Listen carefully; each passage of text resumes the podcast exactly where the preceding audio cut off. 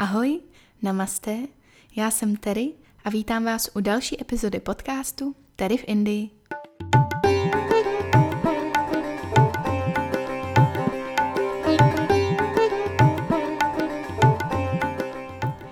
Ahoj, vítejte zpátky. Dnešní epizoda je druhým dílem epizody o deseti důvodech, proč určitě navštívit Indii. Dneska vám řeknu o dalších pěti důvodech, proč byste určitě měli přijet a využít toho, že se Indie po skoro dvou a půl letech otevírá a obnovuje svý pravidelný lety. No a nebudem se dlouho zdržovat, jdem rovnou na to. Dost snadno bychom mohli Indii říkat historický klenot, protože pokud jde o historii, a možná vy se i o historii zajímáte, Indie je přesně to místo, kam vyrazit. Některý z nejstarších civilizací na Zemi pochází právě z Indie a je tu nespočet historických památek, kde máte šanci vidět úžasný archeologický nálezy, sochy, no a poslechnout si příběhy a legendy právě těchto míst. Asi jste si zrovna teď vzpomněli třeba na Taj Mahal, o kterým jsem dělala samostatnou epizodu.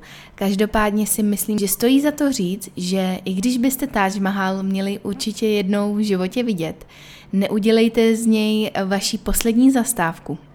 V Indii je totiž spousta dalších míst, kterých stojí za to vidět, i když třeba nejsou turisty úplně tak známí, jako je právě ten Taj Mahal. V Indii je 40 míst, který najdete na seznamu světového dědictví UNESCO. Takže ve vašem itineráři by neměly chybět třeba jeskyní chrámy Ajanta, který jsou jedinečný tím, že právě tyhle chrámy, zasvěcený životu Budhy, jsou vyřezaný do skal.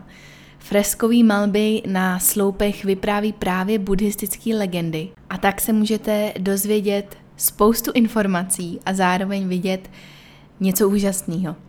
Jeskyně Ajanta pochází z druhého století před naším letopočtem a najdete je ve státě Maharashtra. Jedno místo světového dědictví UNESCO, který bych chtěla zmínit, je i nedaleko Chennai, kde bydlíme. A to jsou památky v Mahabalipuram. Náš výlet do Mahabalipuram jsem dokonce před dvouma rokama zdokumentovala ve videu, který si můžete pustit na mým YouTube kanále Terry Kumar. No a ty památky v Mahabalipuram jsou známý hlavně svými chrámy v podobě vozů i jeskyněmi a ležejí přímo na pobřeží. A jedna zajímavá věc je, že vlny tsunami v roce 2004 odhalily žulové sochy, o kterých archeologové tvrdí, že jsou právě pozůstatkem civilizace ze 7. století.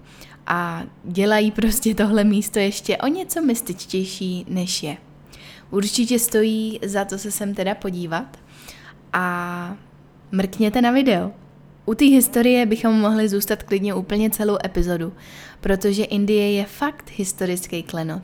A co je na tom nejlepší? Spoustu tradicí a zvyků se dodržují dodnes, což je jeden z důvodů, proč je Indie tak výjimečná. Adrenalin a dobrodružství. Pokud jste vyhledavači adrenalinových zážitků, nebo prostě neposedíte a hledáte příležitost užít si ještě víc dobrodružství, než zažijete v každodenním životě tady v Indii, tak nastražte uši. Plavba lodí, plavba houseboatem v Kerale, paragliding, potápění, lyžařský středisko v Uttaragandu, ano, slyšíte správně, nebo rafting, to je jeden z pár příkladů, co vlastně v Indii můžete zažít. Indie má i úžasné pláže a já mám to štěstí, že bydlím na pobřeží a minulý rok jsem poprvé vyzkoušela surfování a dodnes je to vzpomínka na jeden vlastně z mých nejlepších dnů, co jsem v Indii zažila. Snažím se chodit pravidelně a i když jsem si o sobě vlastně myslela, že vůbec nejsem sportovní typ a že surfují hlavně lidi v televizi a známí celebrity, tak jsem fakt vděčná, že jsem se překonala a vyzkoušela to, protože je to teď jedna z mých oblíbených aktivit a moc, moc bych vám to doporučila, abyste na lekci zašli.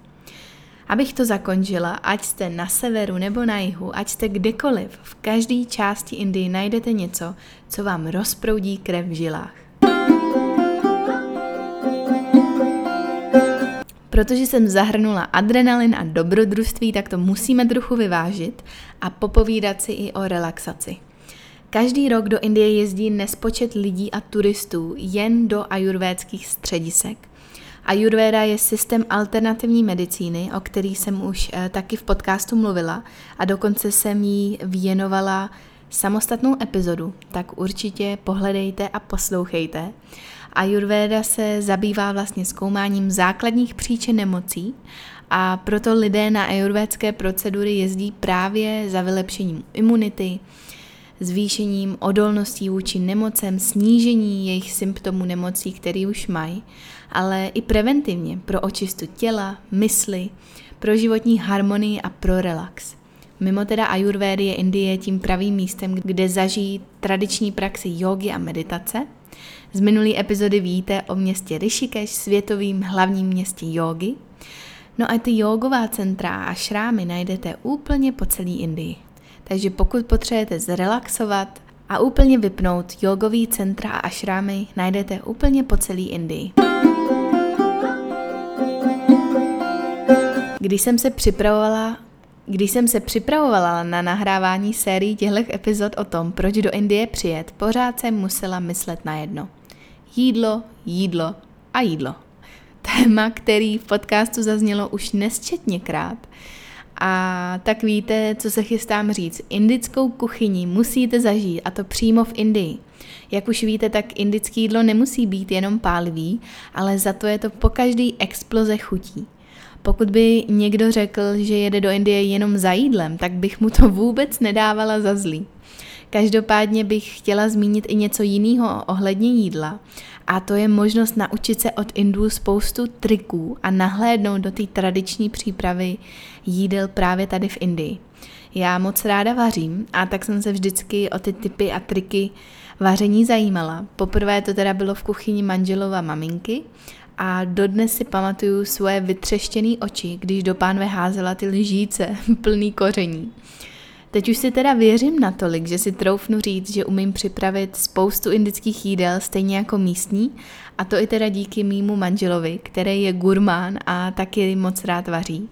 A vždycky mi říká, že kdyby nebyl pilotem, tak by byl určitě kuchařem. No a co si budem, to by se taky hodilo. No a dalším důvodem, posledním pro tuhle epizodu, o kterým budu mluvit, je fakt, že Indie je duchovním mezníkem. Myslím si, že i tohle je důvod, proč Indie vlastně zanechává ve spoustě lidech po návštěvě stopu, která se vůbec nepopisuje jednoduše. Víte, že se ve vás něco změnilo, pamatujete si, co jste cítili a zažili, ale zároveň je to tak komplexní pocit, že se jenom těžko vysvětluje někomu, kdo v Indii nebyl a kdo to nezažil. A je ale důležitý říct, že abyste tenhle pocit zažili, tak nemusíte být uh, věřící.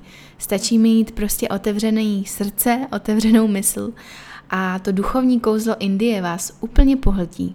Hned několik světových náboženství se zrodilo právě v Indii, a to včetně hinduismu, sikismu, buddhismu, džinismu. No a ta spiritualita, to duchovno, je v Indii hmatatelný úplně všude a nejde jen o to následovat nějaký náboženství, ale hlavně o to najít sám sebe, probudit svoje smysly a podívat se prostě dovnitř. Konec konců Indie je zemí jogy, ajurvédy, sádhů neboli mudrců a poustevníků, kteří opravdu opouštějí svoje životy ve snaze vlastně najít odpovědi. Takže ať se vám teď v životě děje cokoliv, vypořádáváte se s něčím velkým a nebo prostě máte otázky, na který ne a ne najít odpověď, tak cesta do Indie vám je určitě pomůže najít. Ne nadarmo se totiž říká Indii Incredible India, neboli úžasná Indie.